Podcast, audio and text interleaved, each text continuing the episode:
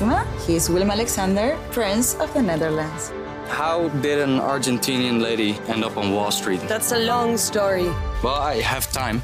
Mama, Oh, het is Maxima. ik heb er nog nooit zo verliefd gezien.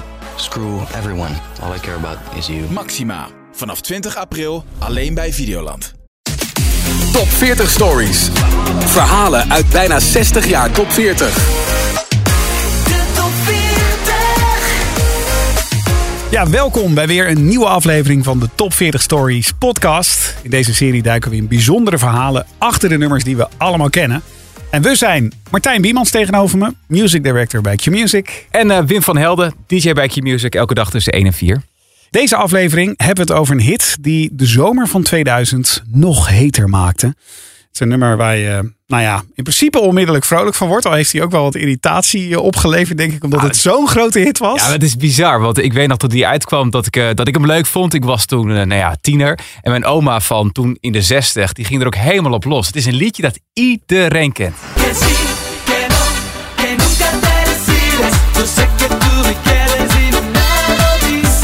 Que sí, Keno. Jody Bernal. Zeven weken stond hij in de zomer van 2000 op nummer 1 in de top 40. En hoe is hij daar dan terecht gekomen? Dat is de vraag. Dat gaan we zeker eh, hier aan bod komen. Maar wat bijzonder is, is dat het een uh, Spaanstalige hit was van een Nederlander. Jody Bernal begon op zijn zestiende in de, ja, de Soundmix Show. Heeft daar wat succes gehad. Maar zijn grote doorbraak kwam in 2000 toen hij deelnam aan Your Big Break, een talentenjacht van RTL 4. Ja, en daar komt onze gast van vandaag om de hoek kijken. Want het pad van Jody Bernal kruist daar bij Your Big Break met een icoon van de Nederlandse radiowereld. Hij kan artiesten maken of breken. Hij is DJ, voormalig directeur van Veronica, oprichter van Radio 538 en Mr. Top 40 himself, Erik de Zwart. Ja, Erik, welkom. Ja, dank voor de uitnodiging. Gezellig. Ja, zeggen we Top 40 Stories, dan mag je natuurlijk niet ontbreken. Fijn. Als Mr. Top 40. Maar we hebben net een hele lijst van wat je allemaal gedaan hebt. Waar, waar hou je je nu mee bezig? Op dit moment, ik ben nog steeds voorzitter van de Stichting Nederlandse Top 40. Die ervoor zorgt dat die uh, nou ja, uitgezonden wordt bij Q Music onder andere. Maar ook het verleden van de Top 40 uh, uh, koesteren wij natuurlijk. We hebben straks weer een feestje in 2025 op 2 januari van dat jaar. Dan bestaat de Top 40 60 jaar. Daar zijn we nu onder andere alweer mee bezig om te kijken van kunnen we nog iets bijzonders bedenken. vinyl is wel hot, dus we zitten een beetje te denken in die hoek om een speciale Top 40 vinyl uitgave te doen. Nou, daarnaast heb ik een, een treinenplatform, een videoplatform voor treingekkies. Dat heet 24trains.tv. En we kopen uh, videocontent aan, maar we maken het ook zelf van treinen. Dat heb ik altijd wel leuk gevonden. Modeltreinen, maar ook gewoon grote treinen. Af regelmatig naar Zwitserland. rijden de mooiste treintjes, vind ik. En dat filmen we zoveel mogelijk. En daarnaast ben ik nu bezig met een opzetten van een nieuw videoplatform. En dat wordt een culinair platform. Oh. Dat is gewoon uh, ontzettend lekker eten. Soort 24 Kitchen? Te, nou nee, dat nou net niet. Oh. Uh, het wordt meer een platform waarbij we... Die mensen ziet chefs, even? Of, uh... nee, de chefs uh, centraal zetten. En Oh, ja. dan vooral wat... Vaak als je die chefs op televisie ziet, dan gaat het altijd over alles behalve koken. Ja. Wij laten ze zien hoe ze dat nou doen. Dus echt letterlijk kijk je in de keuken? Een letterlijke Ah, kijk in de keuken. Zodat je, als je daarna gaat kijken naar het platform, dat je denkt van, oh, ik zou daar wel eens een keertje willen. Het, het water moet je in de mond lopen. Nou, dat doet het wel, kan ik je melden.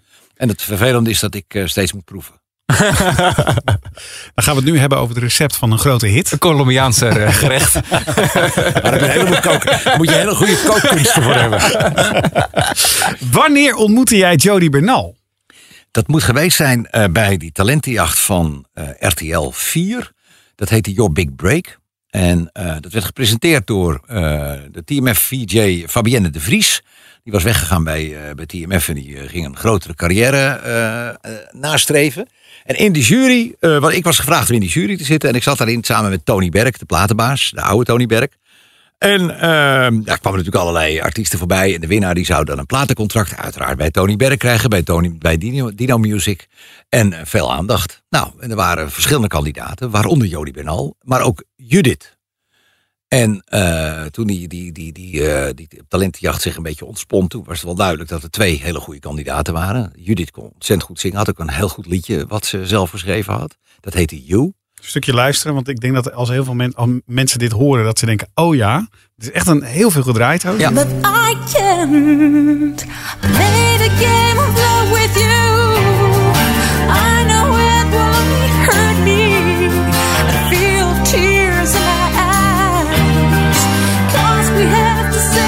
En daar tegenover had je dus Jody. En daar tegenover stond Jody Benal. En die had een eh, Zuid-Amerikaans liedje. eh, dat had hij eh, gehoord toen hij op zoek was naar zijn oorspronkelijke, zijn, zijn natuurlijke biologische ouders. Die ergens in Colombia, geloof ik, woonden. En daar was veel op de radio, of werd dit liedje blijkbaar heel vaak gespeeld. En dat was Casey Kenon. En dat heeft hij gecoverd eigenlijk en voor, die, voor Your Big Break. En zo stonden ze samen op het podium. Ja, want dit is het origineel dan.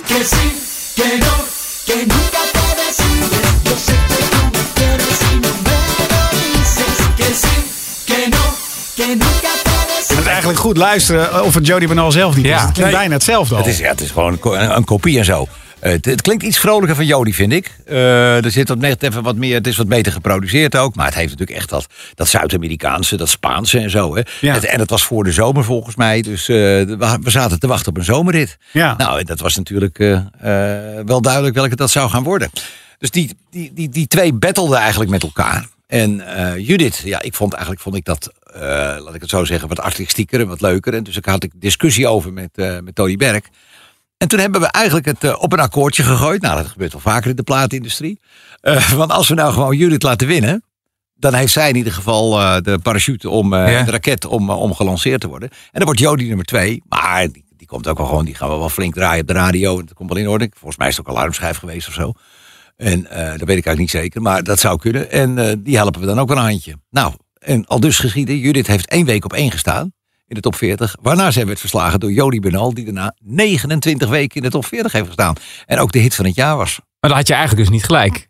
Ik had zeker commercieel gezien niet gelijk, maar eigenlijk natuurlijk allebei een beetje. Ja. Eh, zowel Jody was natuurlijk een hit, maar Judith was ook een hit. Maar dat akkoordje, hoe ging dat dan? Wat was dan de... Ach, dat is wel vaker hoe dat gaat. Eh, een beetje, beetje, beetje grote jongens praten en zo. Hè. Dus dan, ja, ja, ja, ja. Tony Berg die praat altijd een beetje zo. Ja, nou, dan doen we het zo. En dan, eh, ja, ja, dan komt het wel goed. En dan heb je ook je zin. En op die manier ging dat eigenlijk wel een beetje. Dus, Maar je waren jury, dus dat, dat was niet gek dat je dat zo ging afspreken. Of was dat... Nee, nee.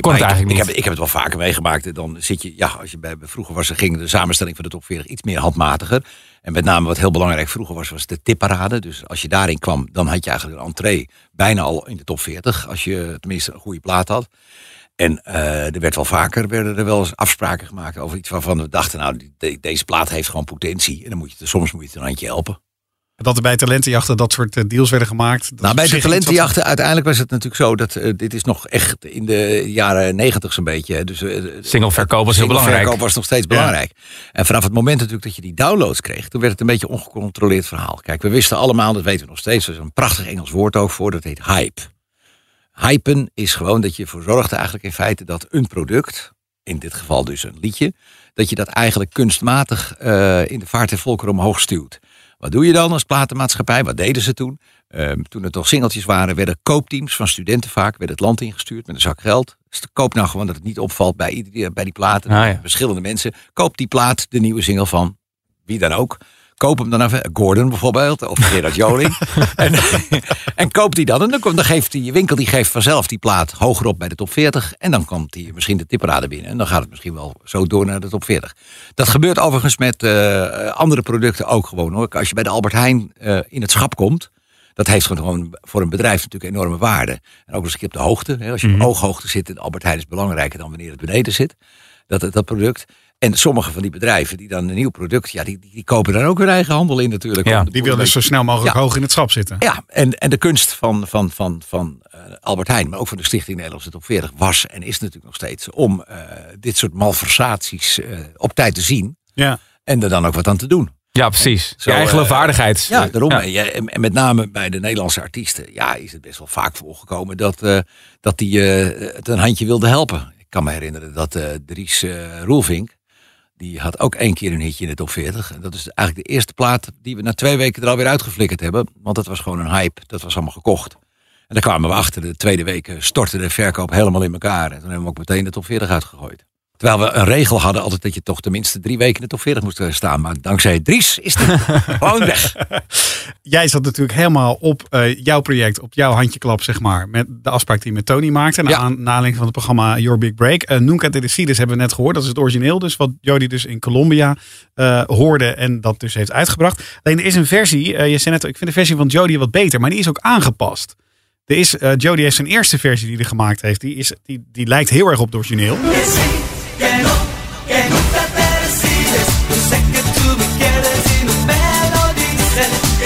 Maar daarna is er een versie gekomen met ja, een wat dikkere beat eronder door de makers van eh, Summer Jam, de Sun Club. Dat is deze. Nou ja, dit kennen we natuurlijk. quieres. Piet dacht er van ja, we moeten dit nog een beetje spice, nog een beetje Nou, dat meer hitgevoelig maken. Volgens mij was dat hun, eh, de producer en dat was Frits van Zwol. Oké. Eh, Frits, die, eh, dat is, eh, ja, dat is een mooie kerel. Hij leeft nog steeds. Hij is dik in de 70, vet over de 75 zelfs volgens mij. Zat ook heel erg in de dancehoek volgens ja, mij. ja, ja, ja, ja. Paar afleveringen terug hebben we met Desiree van Two Brothers Ja. gesproken. En Ja, die dat had klopt. ook eh, nauw samengewerkt met Frits. Ja, Frits die was, eh, ja, dat vind ik nog steeds, ik vind een mooie man. Eh, en die had, eh, die had dit een beetje, zich een beetje over ontfermd. Dus die wist wel hoe een beetje een dansplaat moest klinken. En eh, ja, dit, dit scheelde niet zoveel. Maar in die tijd had je ook Parade de Tetas en dat soort liedjes en zo. Dus Ja. eh, het was allemaal niet zo raar eh, dat dit eh, zo werd aangepast. En Frits was ook wel, eh, op een gegeven moment zei ja, maar dan moet ik nu een videoclip ermee maken. Hoe zal ik dat doen? Toen heb ik hem wat adviezen, goed bedoelde adviezen gegeven. Die zijn ook letterlijk overgenomen. Ik zeg, Wat was je advies? ja, wat dacht je? Ik zeg, je moet een jonge huppelende meisjes moet je er neerzetten op een strandje. En dan laat je hem laat je achter een voetbal aan. eh, Als suggereren alsof het een goede voetballer is. en die meisjes, die laat je lekker in het zwembad eh, eh, zwemmen en, en eruit komen. En weet ik veel. Nou, kijk de clip maar naar. Exact zo. Ja, daar moest ik zo om lachen ook, inderdaad. Ik heb er nooit wat aan verdiend of wat dan ook. Maar ik vond het echt te grappig. Je zei net van, je wist niet of het alarmschijf was geworden. We hebben het even gecheckt bij eh, Dave Middenbo. Tegenwoordig eh, Talpa radiobaas. En destijds eh, mede verantwoordelijk voor de muziek van, van eh, Radio 538. Jij hebt hem doorgedrukt als alarmschijf, zegt hij. En, Oh, eh, dat zou zomaar kunnen. maar luister even naar hem. Nee, de alarmschijfvergadering eh, toch eh, was de leukste meeting eh, van de week. En eh, Erik die, eh, die bemoeide zich er niet iedere week mee. Die was natuurlijk ook wel druk met andere dingen. Maar soms kwam hij eh, er wel bij. En dan had hij ook altijd meteen wel iets eh, wat hij dan eigenlijk, waar hij even zijn stempel op wilde drukken. Eh, ik kan me er twee herinneren. Eén keer was dat met Nickelback, How You Remind Me. Nou, daar heeft hij ook groot gelijk mee gehad. Die heeft hij toen echt doorgedrukt als alarmschijf. Maar een andere die hij ook redelijk doordrukte, dat was inderdaad Jody Bernal met Kezi Keno. En ik weet nog dat hij, eh, hij zat toen zelf volgens mij in de jury van dat tv-programma waar dat eh, uit eh, voortkwam. Your Big Break heette dat, geloof ik. En volgens mij de uiteindelijke winnares, die, die hebben we nog wel gedraaid. Dat was op zich een leuk plaatje, maar daar hebben we nooit wat van gehoord. Het was Judith Jobsen. En Jody Bernal die werd daar tweede, maar eh, Erik kwam echt van jongens, we moeten dat gewoon alarmschijf maken. En het was ook nog zomer, het was natuurlijk hartstikke zomerse plaats. Maar wij hadden allemaal wel een beetje onze twijfels van jezus, moeten we dat nou echt eh, doen?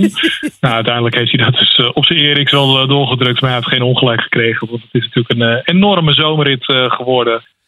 Ja, dat was eh, nog iemand altijd betrokken. Niels Hoogland was music director en Dave was assistant music Ja. director toen eh, erbij inderdaad. En zo af en toe kwam ik daar wel eens binnenlopen inderdaad in dat kantoor. Eh, had je Unco, die zat eh, als programmaleider daar. En eh, tegenover zat, hem, eh, zat Niels en op eh, de kop zat, zat Dave. En eh, ja, soms ging dat wel eens een beetje zo. Dan dacht ik van ja, echt jongens, eh, als we die, die plaat niet pakken, dan, eh, dan lopen we achter de feiten aan. Dat moeten we wel doen. Dat was niet zozeer het belang voor de top 40, maar wel voor het radiostation natuurlijk. Dat we gewoon de beste platen draaiden. Ik kwam van Nickelback, weet ik nog, dat, eh, dat was mega hit geweest op 3FM. Ja, en zoals, zoals we wel vaker deden bij 3FM, dan draaiden ze een, een plaat een week heel erg heftig. En vaak ook best wel goede platen, zoals Nickelback, hè, met How you, How you Remind Me. En dan vervolgens draaiden ze hem helemaal niet meer. Eh, gewoon na twee weken kwamen we er niet uit. Het was niet echt een lekkere nieuwe plaat als alarmschijf en zo. Dus ik zeg, waarom doen we niet dat Nickelback? Het is gewoon een, eh, een top, eh, top 100 alle tijden plaat. Dat weet je gewoon, dat hoor je meteen. Dat is zo'n klassieker. Ja. Dat, eh, die, die, die pik je eruit gewoon. En ja, nee, Niels, ik hoor Niels nog het roepen. Nee, dat kan niet, dat is mega hit geweest. En zo. Ik zeg, who fucking cares? Onze luisteraars interesseert dat geen ene zak. Die willen gewoon een goede, Ja. die willen gewoon een goede plaat als alarmschijf horen. Nou, boem. Toch eh, doorgedrukt. En dat deed bij Jody ook. ik was de baas. en eh, nou ja, het, het is een groot succes geworden. Dus, En bij eh, Jody dacht je ook, goede plaat, dus alarmschijf. nou ja, het was meer ook vanwege het feit dat het een alarmschijf was. En omdat ik natuurlijk ook wel drommels goed wist. Dat zo'n plaatje als van Jody Bernal. Dat wordt natuurlijk. En 3FM was onze grote concurrent op dat moment. Die draaiden dat helemaal niet. Nee. Nee. Die zouden dat nooit doen. En de doelgroep van 58 was natuurlijk Jong. ook precies. Ja. Ja. Ja. Dus eh, ik dacht van nou, dat, eh, dat, eh, dat kan best. Nou, dat pakte goed uit. Want het was gewoon de hit van het jaar. Dus wat dat betreft heeft eh, Jody heeft geen idee volgens mij. wat zich achter de schermen allemaal heeft afgespeeld. Weet hij dat jij zo bepalend bent geweest voor zijn hit? Volgens mij niet. Hij weet wel dat eh, doordat hij 29 weken in de top 40 stond. eh, en ik deed toen tegelijkertijd, ik deed op vrijdagmiddag de top 40 op 538. En ik deed iedere zondag, die deed ik op TMF, de top 40 op tv. Ja. En eh, gezien het feit dat ik en directeur en disjockey en tv-presentator... moest het allemaal snel, snel, snel. Dus ik ging op woensdagmiddag ging ik naar, eh, Bus- naar Bussum, naar de studio Concordia... om de top 40 op te nemen. En daar had ik autocue, zodat ik het heel snel de tekst kon oplezen. En ik was eigenlijk met een half uurtje was ik klaar. En dan had ik die drie uur de top 40 tv eh, had ik opgenomen. Eh, iets van vijf, zes presentaties per uur eh, was dat ongeveer. En eh, zo, zo deden we dat. Maar ik, mijn teksten werden geschreven. En om het toch een beetje spontaan te houden, en zei ik van nou, ik lees het niet van tevoren. De teksten. en eh, nou, ik had eh, tekstschrijvers als eh Sander Landiga. Eh, Van die- Koen en Sander. van Koen en Ja. Sander. Die, die, die is begonnen met TMF met als, als, als redactielid en als, als schrijver. Maar ook Niels Geuzenbroek. Die heeft ook bij TMF gewerkt. Die was ook een van de tekstschrijvers. En Danny Gordijn heb ik eigenlijk het meeste mee gewerkt. Die heb ik later nog meegenomen naar Noordzee voor Gordon. Zijn Die ochtendshow. werkte met de ochtendshow, ja. Ja. Maar toen eh, was hij bij TMF. En eh, ja, op een gegeven moment werden ze een beetje flauw van Jody Bernal. Want iedere week moesten ze weer wat, wat verzinnen wat ik moest vertellen.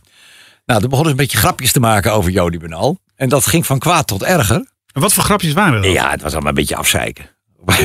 gewoon, gewoon dom afzeiken gewoon. Maar dat, eh, dat bleek toch wel... eh, er werd goed gekeken naar de top 40 op tv. Want Jody Bernal die werd er chagrijnig van. Dus die zette op een gegeven moment in de hitkrant in een interview... Ja, die Erik de Zwart, een lul. En eh, die, die maakt me iedere week belachelijk. En die ziet eruit als een dood lijk. nou, dat was natuurlijk ook weer een prachtige aanleiding... om Jody vreselijk duidelijk te maken... dat het toch een beetje dubbelop was. Hè? Doodlijk. Ja. Dood lijk inderdaad. En nou, dat, was, nou, dat, ging maar, dat ging maar verder. Maar toen op een gegeven moment toen hoorde ik dat hij, eh, dat hij een bier tijdens zijn optreden in zijn gezicht kreeg. Nou, dat was natuurlijk nooit de bedoeling. Maar dat was wel een aanleiding dus voor jou Ja, dat was wel de aanleiding van de, de, van de, de hoeveelheid grapjes die we maakten iedere keer. Dus toen hebben we Jody één keer uitgenodigd. We hadden nooit artiesten in de studio voor de top 40 eh, daar. Maar één keer wel. En dat was Jody Bernal. Heb ik toen naar de studio gehaald om even duidelijk maken. Nee, we zijn dikke vrienden. En het is eh, niks aan de hand. Danny Gordijn hebben we ook even gesproken. Kijk. even gevraagd naar die periode die hij dus jouw teksten schreef bij TMF. En we hebben hem ook gevraagd of hij doorhad wat voor effect zijn teksten op Jody zelf hadden. Nee, dat hadden we gewoon echt niet door. In onze onschuld, eh, naïviteit, noem het wat, eh, we, zijn we gewoon elke week doorgegaan met eh, grapjes stapelen. En dat bleven we leuk vinden. Totdat we hoorden van de plugger van Jody. eh, en die zei van jongens, het is gewoon niet meer zo leuk. Jody heeft er last van. Ook al stond hij op dat moment waarschijnlijk, eh, in mijn herinnering, 7 of 28 weken in de top 40. Hè? Ik bedoel, het was echt de- hit der hits. Eh, maar Jody was eh, not amused, of in ieder geval not amused anymore. En toen hebben we eh, een zoenoffer gebracht en gevraagd van, kom dan naar de studio en kom het uitpraten. En dan zeggen we keurig sorry als grote jongens. Want het was serieus nooit de bedoeling om hem kwaad te doen. Hij was gewoon, ja, eh, hoe noem je dat? eh, even de kop van Jut. Hij kreeg even de flauwe grapjes over zich heen. En dan had die arme jongen had het helemaal niet verdiend. Behalve dat hij eh, ja, een kutliedje had gemaakt. maar toen hebben we sorry gezegd, allebei. Erik voor de camera voor heel Nederland. En ik eh, lafjes achter de camera. Tuurlijk. En toen heb ik nooit meer wat van Jody gehoord. Eh, Volgens mij niemand meer. Ja, dat is typisch, eh, typisch Danny, zo'n reactie. Je hoort hier ook nog steeds in dat je mensen echt hebt moeten overtuigen. Want het was uiteindelijk jouw hit geworden ja, dat klopt, natuurlijk. klopt, dat klopt, dat klopt. Ja, maar ik heb, dat, is, dat is wel vaker gebeurd natuurlijk. Hè. Kijk, we zijn natuurlijk allemaal best wel ook een beetje muziekliefhebbers. Tussen aanhalingstekens als disjockeys. Van de redenen waarom je vaak bij de radio terechtkomt of disjockey wordt... is natuurlijk omdat je ook wat met muziek wil doen. Ja. Ja, dan ga je op een gegeven moment ga je ook een soort van smaak ontwikkelen en zo. Maar dat, dan gaat het ook wel fout. Eh, want dan, dan krijg je dus eh, dat jij gaat uitmaken voor het publiek wat ze leuk moeten vinden. Ja. Nou, eh, jullie draaien ook in het land hè, met, eh, met de Q-show natuurlijk en zo. En eh, niet alle disjockeys doen dat. Maar die hebben dus ook nooit eigenlijk in feite een... een, een, een, eh, een Referentie. Ja, nee, een referentie van, van wat er gebeurt. Mhm. Want we weten allemaal dat als je de verkeerde plaat opzet in een zaal... dan stroomt de dansvloer leeg. Ja. Ja, dat is gewoon keihard en duidelijk. Dus, En als je nu in 2023 keer ziek en oh, maakt niet uit waar je staat, maar het werkt nog steeds. Hè? Ja, nee, dat klopt. Maar dat moet, het is een bewezen, Ja. uiteindelijk is het een bewezen nummer. En dan kan je het zelf misschien niet leuk vinden. Maar als je daar die mensen op de vloer of de mensen thuis gewoon een plezier mee doet, dan moet je daar niet over zeuren. Ik heb altijd, ook bij Veronica, vroeger in de jaren tachtig, eh, dat was natuurlijk ook een soort van omroep. En bij de Tros heb ik ook gezeten. Mijn eigen smaak wat dat betreft eh, uitgeschakeld en, en gewoon gekeken. Ja, wat is, de groot, wat is de grootste hit? En zeker bij de top 40, altijd kiezen, een alarmschijf of wat dan ook. Dan ga je er toch echt voor van wat, wat, wat is de potentie? Ja. Eh, heeft hij het in zich, die plaat, om een hele grote hit? Want in principe moeten gewoon alle alarmschijven nummer 1 worden. Nou, je ziet het. eh, de keuzes ook bij, bij Q worden goed gemaakt iedere week. Want in de top 10 staan ongeveer zeven alarmschijven. Gemiddeld. Kan je nagaan. Nou, dan zijn het de juiste keuzes. En het is ook leuk, denk ik, om te vertellen aan, eh, aan de mensen die deze podcast gaan luisteren. Van ja, jongens, er gebeurt echt wel wat achter de schermen bij zo'n radiostation. Voordat je nieuwe muziek hoort, voordat je nieuwe platen hoort. En eh, er wordt er gewoon goed over nagedacht. Kijk, uiteindelijk heeft natuurlijk de artiest, de componist, de tekstdichter, eh, de producer, die hebben het liedje gemaakt. Maar Hoe iets gaat rollen. als dat, als dat Ja. niet gaat. eh, als je, kijk, als je, je kan honderd leuke liedjes schrijven thuis. Maar als je die niet kan laten horen aan een groot publiek. Nee. die er dan vervolgens een oordeel over kan hebben. En zo werkt eigenlijk een platenmaatschappij ook. Dat is een marketingorganisatie. Vroeger was er ook de platenmaatschappij. Die, die betaalde de studio. Een studio was vroeger duur. Tegenwoordig kan je het gewoon op je zolderkamer. Ja, bij wijze van spreken kan je een heleboel dingen opnemen. Maar dat was, vroeger was dat niet het geval. En die betaalde ook vaak die artiesten een voorschot uit. Artiesten wisten vaak niet dat ze dat zelf terug moesten verdienen. nou, er zijn ook zat artiesten uit de jaren 60 en 70. Die, ja, die zijn er echt eh, grote hits gehad, maar zijn er niet veel mee opgeschoten. Nee. Als je geen liedje geschreven hebt zelf en je staat bij de buurman genoteerd, wordt het toch een ander verhaal. Maar je, je betaalde ze ook wel eens voor, voor, voor liedjes om eh, nou, boven water te komen bij, bij, bij radiostations, de Dat is Piola. wel de- ja, zeker. Dat is wel gebeurd, ja. Is, dat is met Jody ook gebeurd? Nee, nee, nee, nee, zeker niet. Nee hoor. En toen was dat al een beetje ingewikkeld en zo. Nee, echt niet. Ehm, het, was, het was destijds toen ik eh, bij Veronica kwam in de jaren tachtig, bij Hilversum 3, wist ik wel dat er sommige collega's, eh, laat ik het zo zeggen, op zijn minst bevattelijk waren voor eh, vriendendiensten die eigenlijk niet konden. Zoals? Ja, iedere week eh, bij een sterrenrestaurant gaan eten. Wat eh, toen nog eh, echt nog wel een hele dure aangelegenheid en een bijzondere aangelegenheid was. Dat soort dingen. dat gebeurde wel, ja. En reisjes, hè, vaak naar concerten in New York. Ja, je kan ook wachten tot hij in Nederland komt, toch? Ja. Zo'n artiest. Snoepreisjes. Snoepreisjes en zo. En ik, ben er altijd, ik ben er altijd heel voorzichtig in geweest. Ik ben er ook altijd heel open in geweest. En ik had ook bij 538 een hele duidelijke richtlijn. Van dat doen we niet. Punt. Eh, je mag het wel, het mag wel, maar dan wil ik gewoon ook een stuk meebetalen eigenlijk als eh, radiozender. Ik vind het wel belangrijk dat disjockeys regelmatig naar concerten gaan en een beetje weten hoe het gaat met artiesten Zeker. en hoe het loopt. Eh, in Nederland vind ik het een ander verhaal, want dan, maar dat is dan ook een mooi moment voor de plugger om een beetje na de kennis te maken met iedereen. Ik, ik, ik, zie het belang van een plugger ook wel heel, heel duidelijk, maar op het moment dat er gunsten over en weer worden verleend, dan, wordt het, dan vertroebel je het beeld wat je hebt. En dat moet je, dan ga je dus een plaat en, en, ondersteunen of wat dan ook, die eigenlijk geen hit is. En dat moet je niet doen, want dan doe je je werk slecht. Maar het kan ook een marketing tool zijn om te hypen. Waar, wat je dus eerder zei. Ja. Om wat Ja, ja. op te kopen. Om vervolgens... Nou ja, dat, deden ze, dat gebeurde bijvoorbeeld met, eh, in het begin met eh, The Voice. Toen waren de downloadjes bij Apple waren heel... eh, jullie hebben nog een tijdje bij Q Music de Apple Tour 30 uitgevonden. Ja, iTunes op 30, ja. Nou, die kon ik voorspellen. Want eh, als je duizend downloadjes kocht, dan stond je op nummer 1. Ja, op, op vrijdagavond, Ja. dan was de, er was, eh, dan, eh, dan, dat hielden wij natuurlijk in de gaten. Op vrijdagavond was dan, eh, eh, de, hoe heet het, The Voice. En dan eh, zaterdag stond de winnaar van The Voice eh, van die aflevering stond op één. Ja. Is dat de reden dat je bij de top 40 ook gestopt bent met iTunes mee te tellen destijds? Ja, ja, ja, ja, ook bovendien omdat het gewoon veel te weinig eh, liedjes waren. En we zaten natuurlijk naar een nieuw eikpunt een beetje te zoeken. Van oké, je moet altijd innoveren met zo'n lijst om het samen te stellen. Vroeger was het inderdaad gewoon het optellen van het aantal plaatjes dat verkocht werden. Uiteindelijk zijn we opgehouden met die, eh, met die, met die downloads, eh de mee te tellen, door het programma Rambam. Die belde op eh, naar de top 40 van hoe kan het nou? En die zeiden, stelde ook de vraag van, kan je, kun je een hit kopen? Ja, dat kan, maar bij ons in de top 40 niet. Maar in de single top 100 dan weer wel. Ja. Want die, eh, als je dan maar genoeg downloadjes hebt, dan eh, komt hij vanzelf komt hij daar binnen. En dan, eh, dan heb je een notering.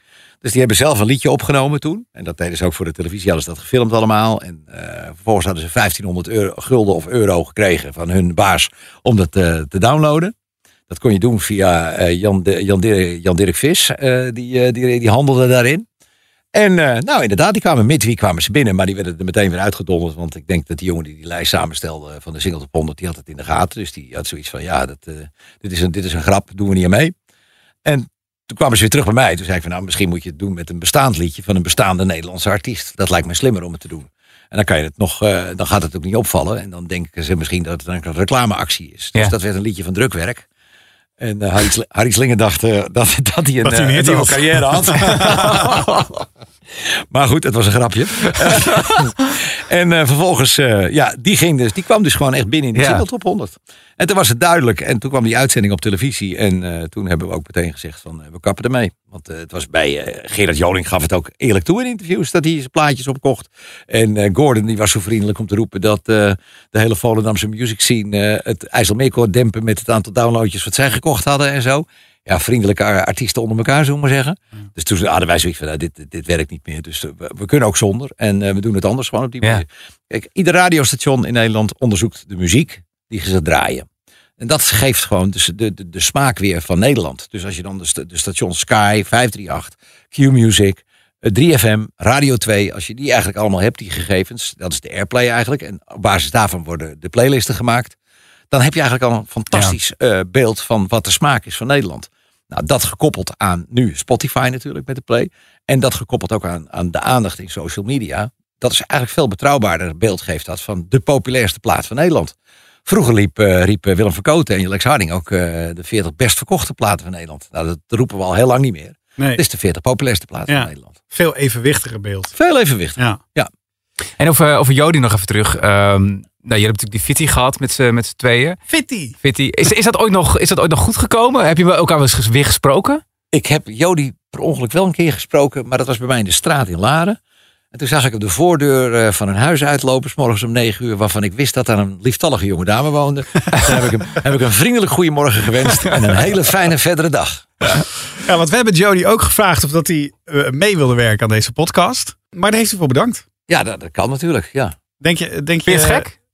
Ja, dat vind ik wel. Het, het gaat toch over jouw liedje en zo. En ik denk dat het goed is om te weten van hoe is dat. Hoe heb jij dat ervaren? Want ik denk dat het ook wel leuk was geweest om zijn ook, ook een reactie van hem te krijgen. Ja. En nu hebben wij dan gezegd dat hij het niet leuk vond, eh, dat er natuurlijk die grapjes gemaakt Nou, we hebben jouw naam natuurlijk laten vallen. Maar, ja, eh, nee, dat begrijp ik. dat, is, dat is als het Q-logo, eh, een rode lap op een stier natuurlijk. Hè? Maar dat is aan de ene kant best wel, best wel gek. Want je bent verantwoordelijk geweest voor dat het ook een hit geworden is. Je hebt je, hebt je, hebt je nek uitgestoken. En aan de andere kant ook wel een beetje gepest. Ja, dat, We- we- en hij was- weet dat- niet dat jij geholpen hebt. dat was natuurlijk allemaal de schuld van Danny Gordijn. Hè? Die- Ja, je die hebt voorgelezen. Ja, ja, ja. Maar is toch ja. gek dat, dat hij weet waarschijnlijk niet dat je erachter zit. Terwijl hij denkt, dat is die gast die me gepest heeft. Ja, dat is ook degene wie zo- zijn carrière te danken Ja, heeft. ja, zo zie je maar weer. Als je met tekstschrijvers werkt, hoog man. Gewoon lekker in de schoenen. we hebben Danny ook gevraagd of het eh, nu in 2023 nog zou kunnen. Wat jullie toen met Jody Benal in het jaar 2000 hebben gedaan. Eh, je kijkt toch met de ogen van nu terug op een heel andere tijd. Twintig jaar geleden was een andere tijd. Als je toen iets zei wat niet door de beugel kon... dan kreeg je hooguit één e-mail en drie briefkaarten. en Dat was het. En nu zou je een heel trollenleger van eh, alle drie overgebleven Bernal-fans... over je heen krijgen waarschijnlijk. Dus hoe je daar dan mee om zou gaan is ook weer anders. Waarmee ik echt niet wil zeggen dat de cancelcultuur een echt ding is... Bedoel, er zijn wel mensen die wat meer kritiek verduren hebben gekregen. Tuurlijk, er zijn wat mensen die wat luider te horen hebben gekregen... dat ze niet grappig zijn of ongepast. Maar cancelen... hmm. Ik geloof niet dat wij gecanceld zouden worden... als we nu dat soort grapjes zouden maken. Eh, waarschijnlijk zou ons wel verteld worden... dat ze gewoon niet meer zo leuk zijn, boomer. Ja, dat, dat laatste inderdaad. Dat zou best wel zo kunnen zijn. Alhoewel ik denk dat grapjes maken is natuurlijk voor alle tijden. Per slot van rekening, we Zeker. lachen het hardste om satire. En Zeker eh, wat er eh, nu op televisie op zaterdagavond... die, Heeft dat eh, hier? Ja, die, die doen het natuurlijk hartstikke goed met z'n tweeën. En die zeiken natuurlijk ook alles en iedereen af. Eh, maar ik denk dat dit, dit was wel een beetje gefocust op één persoon. En ik denk ook dat dat ook uiteindelijk niet goed was. Was het te persoonlijk? Ja, Het was, nou, het is niet persoonlijk, maar het was gewoon makkelijk. Te makkelijk eigenlijk. Om het te doen. En misschien dat je in die tijd ook niet zo snel door had eh, wat het effect ervan was. Nee, dat denk ik ook. Dat zal ook best wel mee. Nu gaat alles veel sneller natuurlijk. Kijk, ik heb ook wel eens een akkefietje met Jan Smit gehad in de top 40. Omdat die had natuurlijk, eh, ik zing dit lied eh, voor Nou ja. jou alleen. Toen was die, was die zes. En die kwam op nummer 1 in de top 40. Ja, dat vond ik natuurlijk niet zo echt passen bij 538 eh, qua muziek. Dus dat die hebben één keer normaal gedraaid en daarna alleen maar verknipt. Er iets andere versie van gemaakt. Daar is hij tot op de dag van vandaag nog steeds boos over hoor. Dat, dat is echt, dat, dat, maar dat is 25 jaar geleden. Ja, Ja. hij heeft ook vorig jaar heeft hij een award gekregen van de top 40. Voor, eh, voor ditzelfde lied. Die heb ik hem ook zelf uitgereikt. Oh, echt? Dus, eh, maar nou, ja, nee, dat zit toch diep hoor bij artiesten. Ik begrijp het ook wel. Heeft hij maar geaccepteerd voor jou? Zeker. Nee, we zijn dikke maten weer ondertussen. Ah. Maar het heeft wel eventjes... eh, Maar dat, daar heeft hij die award aan bijgedragen. ja, ja, ja, ja, ja, ja. Nou, misschien moet je dan nu even je podium pakken, Erik. Ik bedoel, als Jody dit hoort, hè, misschien dat het dan toch Ik nog vind, ik ergens... vind dat Jody gewoon eh, heel blij moet zijn met het feit dat hij 29 weken in de top 40 heeft gestaan. Het is eh, net geen one-hit wonder, want hij heeft meerdere hits gehad Ja. eh, in de top 40. Maar hij heeft wel zijn carrière eigenlijk als zanger heeft hij, en als DJ heeft hij wel te danken gehad aan, aan, aan, aan, aan het feit dat Casey Keno zo'n grote hit is geworden. Dus ik denk dat ik eh Jody eh, eh, nergens hoef te bedanken, dan wel mij ook niet hoef te verexcuseren. Hij hoeft jou niet te cancelen. Hij had Nee, hij prima kunnen zitten. Ach, ik heet geen Tom Egberts. Ik ben geen Marco Borsato. Erik de Zwart mist het op 40. Leuk dat je je verhaal wilde delen over Jody Benal. Eh, en Your Big Break en Judith. Want er is eigenlijk heel veel eh, succes uit voortgekomen. En het is toch alweer een talentenjacht die eh, misschien alweer een beetje vergeten waren na Idols in The Voice. Alle talentenjachten zijn natuurlijk vergeten. Ja. Ik, ik deed er zelf een in 1990 en 1991. En weet je wie daar nummer drie werd? Gordon. Echt? Ja. Welke talentenjacht was dat dan? Dat is, dat, die presenteerde ik. Dat was Sterrenjacht. Oh. Bij Veronica. Dat was gebaseerd op het Amerikaanse format Star Search. En daar kwam onder andere Gordon kwam eruit. Zou bijna kunnen zeggen, iedereen eh, met wie jij succes hebt opgebouwd, eh, is de harmonie in de relatie heel snel vertroebeld. nou, in het geval van Gordon zijn er, eh, versta- heb ik zoiets van, ja, weet je, ik heb, ik heb ontzettend gelachen met de man. Altijd. Maar het is natuurlijk, ja, hij, hij, hij, hij, dat, hij heeft echt borderline. Gewoon, was zich liebt, dat nekt zich. En nu zelfs gaat hij ruzie maken met John de Mol. Nou, volgens mij heeft John de Mol zijn hele carrière gemaakt. Dus ja, dat bijt nooit in de hand die je voedt. Don't shit where you eat. Ja, precies. Zo is het. Erik de Zwart, Mr. Top 40. Thanks voor jouw aandeel in de Top 40 Stories podcast. Graag gedaan. Leuk om je hier te hebben. Zeker.